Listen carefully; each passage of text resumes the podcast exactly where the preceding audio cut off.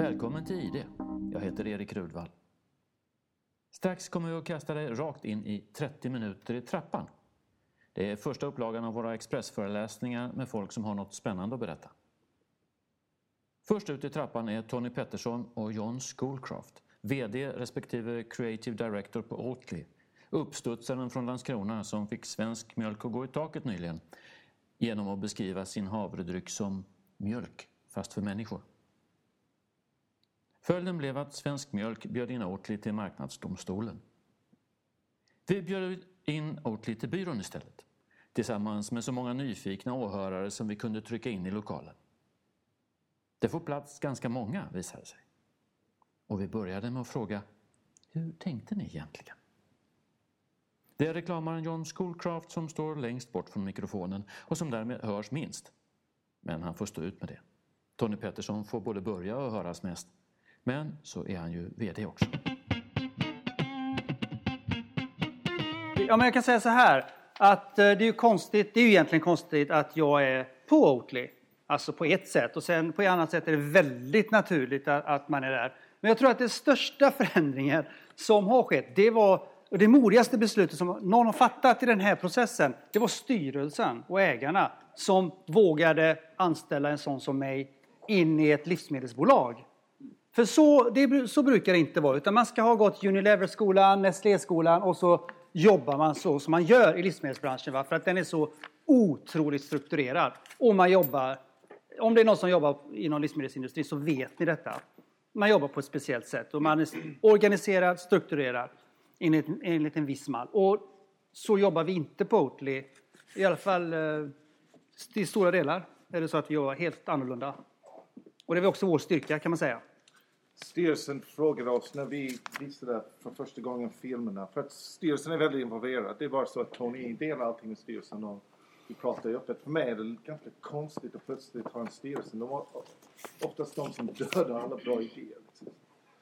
Men vi visade alla filmerna för styrelsen och sen styrelsen bara skrattade och sa Hur kan ni göra sån här? Sen tänkte jag shit, ja, nu ska jag berätta för dem. Och sen, vi gör så här för att ni valde Tony och ni inte lägger sig i Tonys jobb. Och Tony är VD och han har bara ett krav för mig, world class. Så i och med att vi gör reklamfilm för konsumenterna och inte för en styrelse eller för en VD så blir det bra. Liksom. Då finns det, det är bara oss som eh, är ett spärr. Och innan, innan, vi tar någon fråga så, här, så, vi, och så tycker vi så här att Oatly är fantastiskt. Ja, kanske, kanske, alla tycker kanske inte det, men, men eh, det har hänt en del grejer med Oatly. Men jag måste bara säga att vad, vad, vad vi fick här, när vi stod, utgångspunkten var väldigt bra. För Oatly, Oatly har alltid varit ett fantastiskt bolag. Och utan det här fundamentet som låg så hade det här inte kunnat genomföras. Eh, genomföras. Och, eh, vi hade också en personal som var benägen att förändras. Och det är liksom, ja, vi, det har bara varit två år nu sedan sen eh, jag tog över som VD. Och det har hänt enormt mycket, både internt och det ni ser. För det ni ser, det är liksom en del av en process bara. Och den, det ni ser bottnar i någonting som är mycket, mycket djupare än bara yta. Annars är detta bara en designförändring. Men det vi har gjort, det är någonting som är mycket mer fundamentalt och, och större faktiskt. Vad först och främst vad vi har gjort, det är att skapa ett modernt bolag. En utgångspunkt i alla fall för att kunna jobba in i framtiden utan att liksom vila det på så här, som ofta gör, hur vi har arbetat tidigare. Utan det här är framtidsorienterat helt och hållet. Det andra är, vilket är en stor grej, vi har några förflyttningar vi gör. Va? Det är att ta, ta produkterna från att vara non-dairy till att bli produkter inom Sustainable Nutritional Health. Det är en förflyttning. Den stora förflyttningen är att ta bolaget från att vara ett livsmedelsbolag till ett livsstilsbolag. Och det, där ligger väldigt mycket. Men vad är livsstil? Jag kan fråga er alla, jag kommer få olika svar från alla här. Det är urvattnat, det är urtjatat, det är eh, missuppfattat eh, på många olika sätt. Jag vet inte om ni håller med eller inte, så upplever jag det. Man kan säga i början av 2000-talet, ni som var i, i reklamsvängen, ni visste att man kan, sätta, man kan göra en snygg logo, sätta upp en hemsida och lite storytelling och så har man ett brand. Och så kan man säga att ja, men vi är ett lifestyle-brand eller vad vi nu har. Vi har ja. men, men så funkar det inte. Lifestyle eh, baseras på ett antal jag tror att vad vi kan komma överens om, det är nummer ett, lifestyle. Eh, där måste anledningen att existera som bolag vara någonting högre än att tjäna pengar. Man måste veta varför man går till jobbet varje dag. När det regnar, när det blåser, när det är kallt. Vad fan gör jag detta för? Det är högre än syftet att tjäna pengar. Nummer två, ett lifestylebolag är baserat på värderingar. Och värderingarna måste komma inifrån bolaget. Det är inte utifrån ett marknadsperspektiv som du klistrar på det. Det är, inte, det är helt ointressant egentligen, utan det är vad tycker vi om olika saker. De här värderingarna, det är någonting som gör att, som vi enas kring i bolaget, som alla delar. Det gör så att vi kan få in nya människor i bolaget som stannar. Och de här värderingarna delar vi med konsumenter. Och när konsumenterna delar de värderingarna med sina vänner, ja då skapas magi. Men det är värderingsbaserat. Affären baseras på värderingar och det är ofta värderingarna som styr strategin. Det är, jävla, det är en annan utgångspunkt.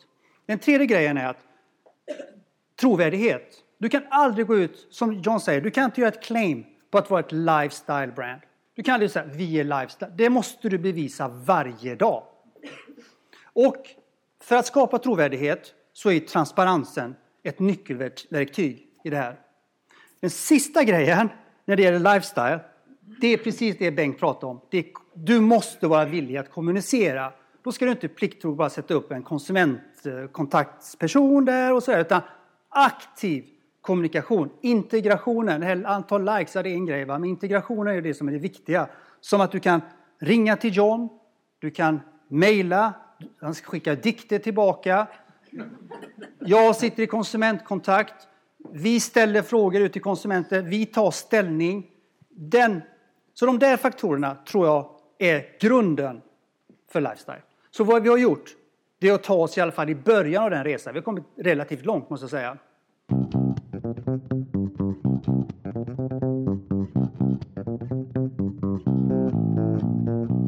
Har, ja? Hur, hur, transformerar ni från vad till varför? Alltså, hur började ni den resan? När ni gjorde förändringen? frågan. Eh, alltså, ni, var ju ett, ni var ett livsmedelsföretag och ville gå till ett livsmedelsföretag. vilket då är vad och varför. Hur gör man den, den transformeringen? Hur börjar man den resan? För folk då som inte är där från början.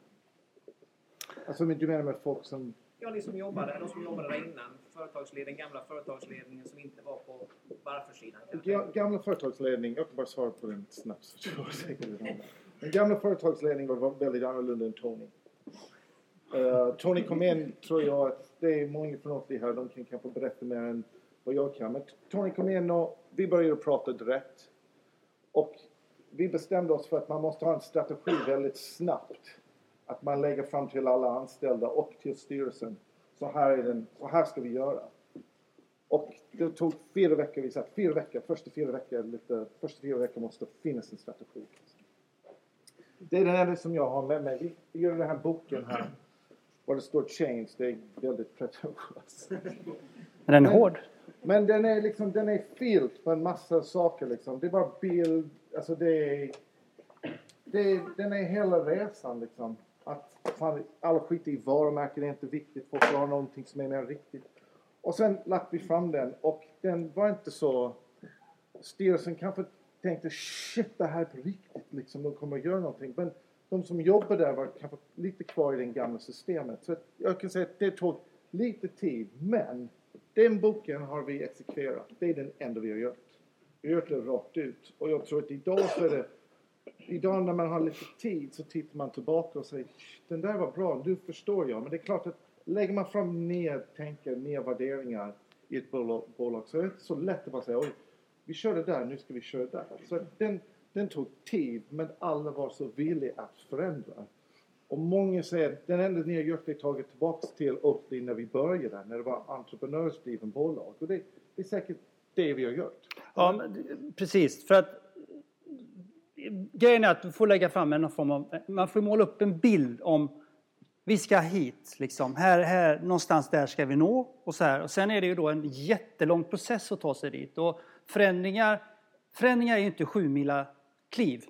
Förändringar är ju små mikrosteg som sker under en väldigt lång tid. Och när du kommit en bit på vägen, liksom vänder dig om och sen så Fan, nu kan inte jag vända längre. Men då har det skett en förändring. Men du har kanske inte märkt den så. Nu har vi märkt det mer hos oss tror jag på Oatly. Men det, det är väldigt små steg. Så att någonstans under de här, den här resan så rinner poletten ner. Då har man liksom kunnat visa så mycket, artikulera så mycket att okej, okay, nu fattar alla. För att jag menar, vissa fattar ju med en gång och sen tar det lite tid innan man liksom riktigt... För, för att vi gör saker väldigt annorlunda. Vi gör saker på ett eh, väldigt annorlunda sätt. Så att det är svårt att greppa det, även för styrelsen. Vad ska de säga liksom? Hur ska de kunna bedöma ett arbete eller en idé? Det, är liksom, ju jättesvårt. För att det är så pass annorlunda jämfört med vad alla andra gör. Men det är precis som om man presenterar en idé. Och eh, man presenterar idéer. De flesta kommer bara tycka den är inte så bra första gången. Eller många som kör fokusgrupp tror de vara säkra på att den är någonting. Det kommer alltid en bra idé som är helt ny kommer alltid testas dåligt. Liksom.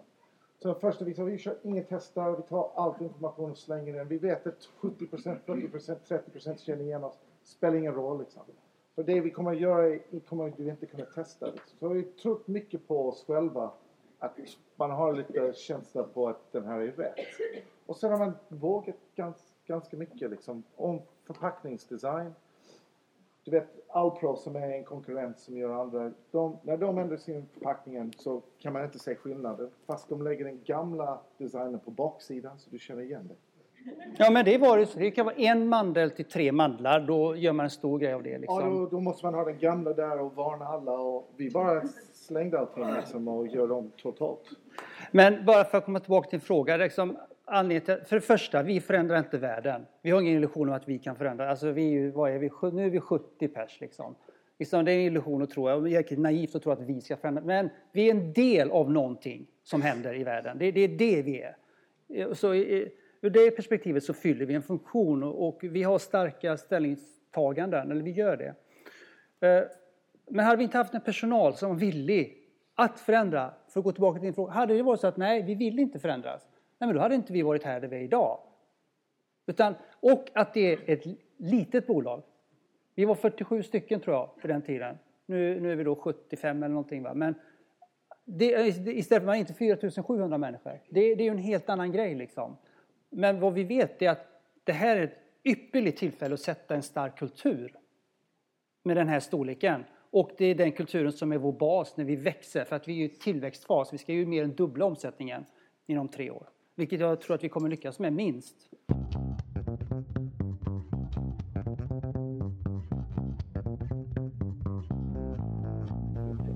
Berätta om SWOT-analysen som ni visade för styrelsen. Uh, SWOT-analys, ja men det var ju bara så här... Jag kan, ja, visa, jag kan visa. Jag kan visa. Ja, John ska visa eh, någonting. Uh, men vad det handlar om, Viggo, det var ju för oss, det var ju vad vi vet. Det är liksom att vara, det är att vara realistisk. Och det, det det handlade om var att vi visste att konkurrensen skulle öka, konkurrenterna blir bättre och de blir fler. Och de är 10-20 gånger större än oss. Vi måste bygga en barriär, vi måste sätta en position. Gör vi inte det så kommer någon annan ta den. Det kan man göra via en reklam, alltså en tv-kampanj på sex månader, så har man tagit vår position. Så att där är riskanalysen. Hade vi inte gjort det, då hade det varit extremt låga barriärer idag att ta sig in i det här segmentet och säga att nu ska vi äga det här. Det är jättesvårt att göra just nu i alla fall, så länge ja, vi, vi gör det vi kan. Nu ska jag göra min SWOT-analys. Det här kanske verkar lite töntigt, men jag tycker man ska dela upp. Man ska, man ska veta vad man är. Så, jag hoppas alla kan se här. Så har vi delat upp men jag har suttit igenom så många möten när alla projektledare riktar ut sina strategiska grejer. Så jag tänkte shit, jag måste göra egen. Så finns, det, så finns det två olika slags företag. Det finns good companies och det finns evil. Och den är den axis. Och sen finns det de som är scared shitless. Och sen finns de som är fucking fearless.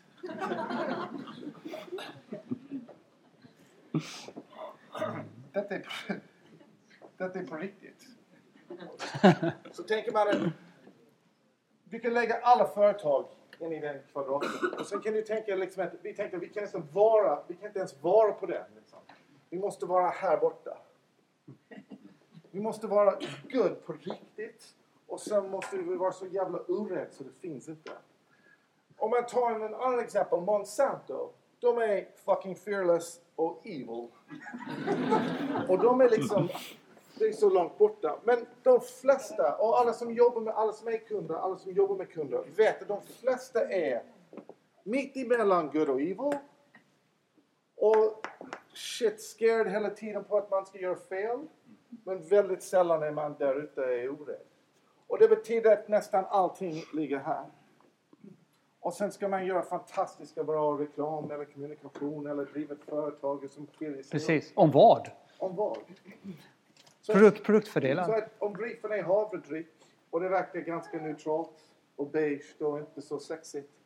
Så är det ganska intressant när du börjar tänka att man är liksom ett bra företag för människor på riktigt och man är fucking fearless. För då, kan man, då, då passar man in i folks liv. Folk behöver sådana företag. Ja, Men det är ju, det är, när man tittar på bolag så vill ju väldigt många bolag vara goda.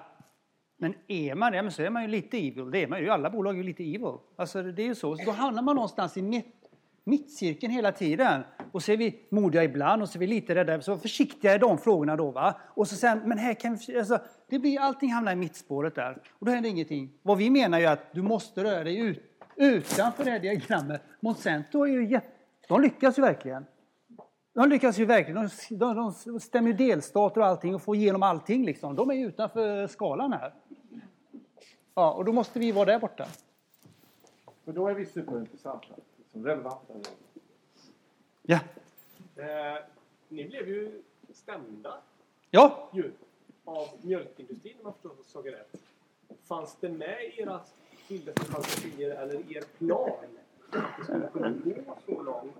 Eller kom det som en blixt från klar himmel?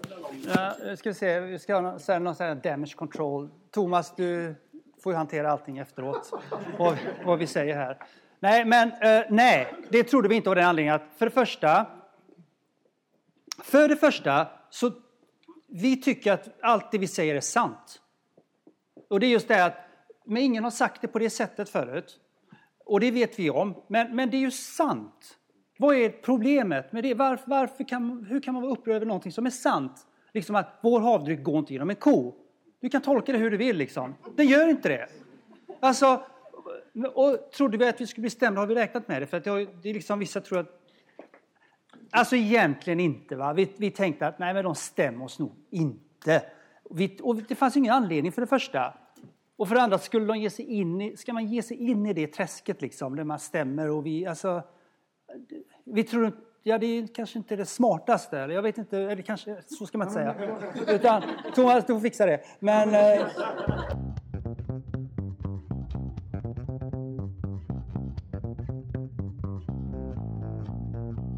En fråga. Jag vet inte om alla... Jag kan inte berätta lite om er produkt. Jag har varit och tittat på dem i hyllan. Men jag... Berätta lite. Varför ska vi köpa era produkter? okej, okej, okej, okej. Bra.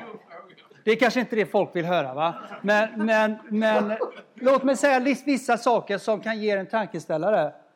Om vi bortser från, först och främst, om vi tar bort hälsoaspekten i det, den kan vi prata om. Va? Eh, men det, vi står, mänskligheten står inför ett jättehot. Okej? Okay? Göra domedag och sånt där. Men du kan prata med Världsbanken, FN, du kan prata med Världsnaturfonden, vilk, Harvard, Oxford, Land, The Lands, alltså vem du vill. forskare, ledande forskare. Vi står inför jätte, jättehot. Det är klimatet. Det spelar ingen roll liksom, om det är val eller om Malmö vinner eller förlorar eller om vi har jätteviktigt avtal att skriva. Klimatet ligger där. Och saken är den att vi inom vår industri, livsmedelsindustrin, från primärproduktion, alltså från jordbruket till slutkonsument, vi står för mer än 30 procent av klimatpåverkan, alltså koldioxidekvivalenter, inklusive metangas och allt det. Mer än vad transporter gör. Men hur, hur ofta pratar vi klimat, transport? Men Det är väldigt sällan politiker pratar klimat och mat. Okej? Så att här har vi så i branschen ett jätteansvar. Tänk också på att vi använder 38 procent av den isfria ytan till att producera livsmedel. Alltså 38 procent. Liksom, ta hela nordamerikanska kontinenten, ta och lägg till Australien och fan som helst. Det är en jätteyta som vi använder för att producera livsmedel på. Lägg då till i ekvationen att 2050 blir vi 9-11 miljarder människor på jorden. Ni kan förstå att den här ekvationen den kommer aldrig hålla. Vare sig vad vi än tror, den kommer inte hålla. Och det här drabbar inte oss. Det drabbar våra barn, det drabbar deras barn. Så att ska vi ta något, och det är ju därför man gör det här. Det är därför vi måste göra den här förändringen. Vad alla de här spelarna jag nämnde innan också är fullständigt överens om att det finns en insats som ger störst effekt och snabbast effekt. Det är att få så många människor att gå över från animalisk kosthållning till vegetabilisk kosthållning. Det råder fullständig konsensus om det. Och här får alla, alla ska ta sitt ansvar här. För det handlar om konsumtion, ja men det gör det. Det ska ni tänka på.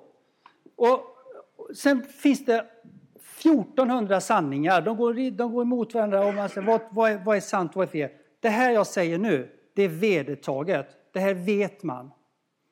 Okej? Okay? Uh, eh, därför ska du använda det här. Jag säger inte att man ska bli vegan idag. Jag säger att när man kan byta ut en produkt, gör det lite då och då. Tänk på det. Och ju, ju fler som gör det så är det ett steg i rätt riktning. Hur når vi människor som inte är intresserade överhuvudtaget? När man sitter i de här olika grupperna, sitter, vi, vi, vi är ju med i något som heter EAT Forum, har ni hört om det? Det är världens enda globala plattform som blandar miljö, eh, miljö, hälsa och eh, mat med politik, näringsliv och forskning. Eh, den kommer gå ingå i World Economic Forum. Då brukar man ställa upp en pyramid så här. Och så gör man så här då. Så att här uppe är de som är aktiva. Här är människor som är medvetna och tar aktiva val i sin konsumtion. Ser ni pyramiden? Okej? Okay. Här tror jag vi flesta här inne befinner oss. Vi vet att fan, det är någonting som inte är bra med miljön. Och jag, jag borde träna och äta lite bättre. Sådär, liksom, sådär. Men så är man inte tillräckligt aktiv i sin konsumtion. Det är den här rutan. Sen är det faktiskt en stor mängd. They don't give a fuck. Det är bara så. De skiter i vilket. Och sen har du den här stora biten där nere. De har inte ens råd. Det handlar bara om överlevnad. Vi pratar på globalt plan. Så att vad vi först måste göra, det är att få de här människorna, er, att bli aktiva i konsumtionen. Sen kan vi bygga oss ner. För det är ingen idé att kommunicera detta till folk som överhuvudtaget inte är intresserade. Det går ju faktiskt inte. Och de som bara ska överleva för dagen, det är, liksom, det är ett hån att börja prata om det.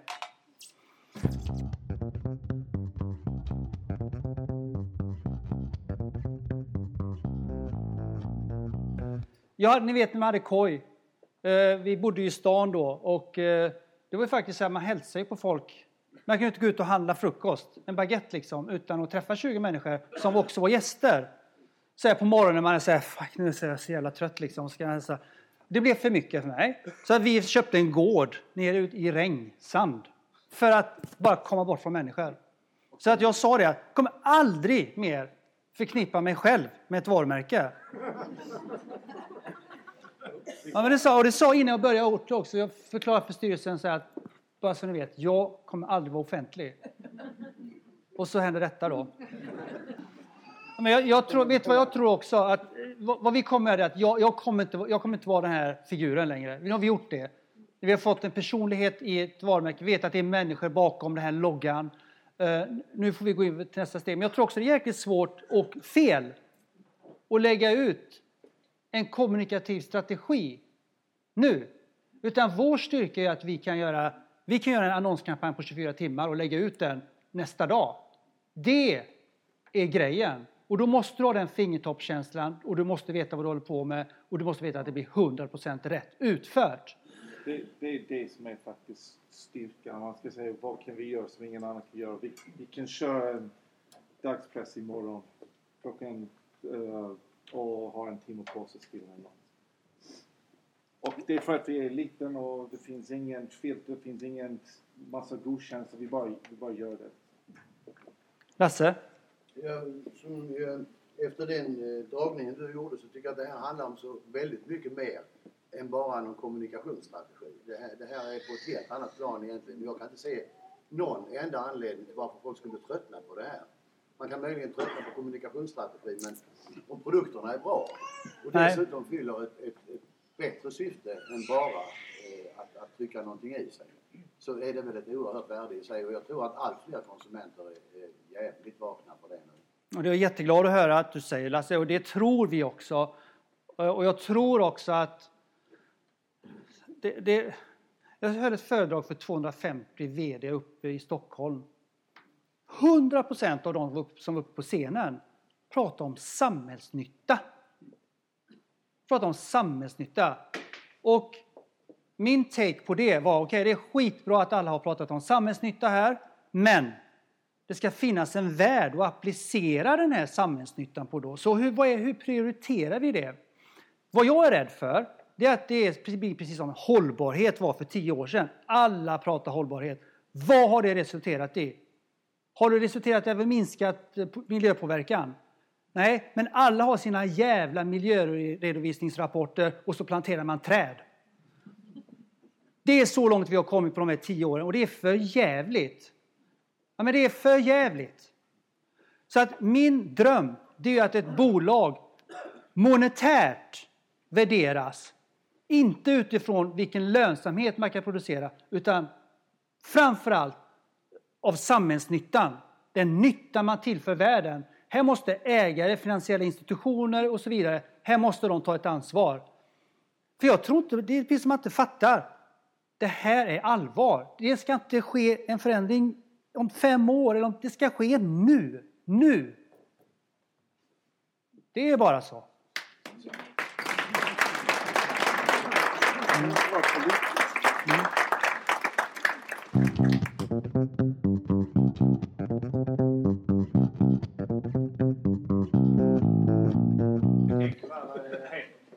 vill säga 30 minuter. Och vi är väl lite drygt det. Och anledningen till var ju naturligtvis att ni skulle kunna komma hit till lunchen och kila tillbaka och vara tillbaka när lunchen är slut och slippa själv och fan. Det var själva idén då. Och att ni fick lite mat i full tid. Och vi är väl där någonstans när klockan är ett nu. Så jag tänkte egentligen att vi skulle försöka runda av. Ni får jättegärna stanna kvar. Ni får jättegärna fortsätta och käka och dricka det som finns. Prova sortimentet. Delar av det står där ute och delar finns där. Prova. Ta en kaffe. Och jag är helt övertygad om att ni får fortsätta ställa frågor till John och Tony under tiden. Tack för att vi fick komma. Stort tack för att ni kom Och tack för att ni kom.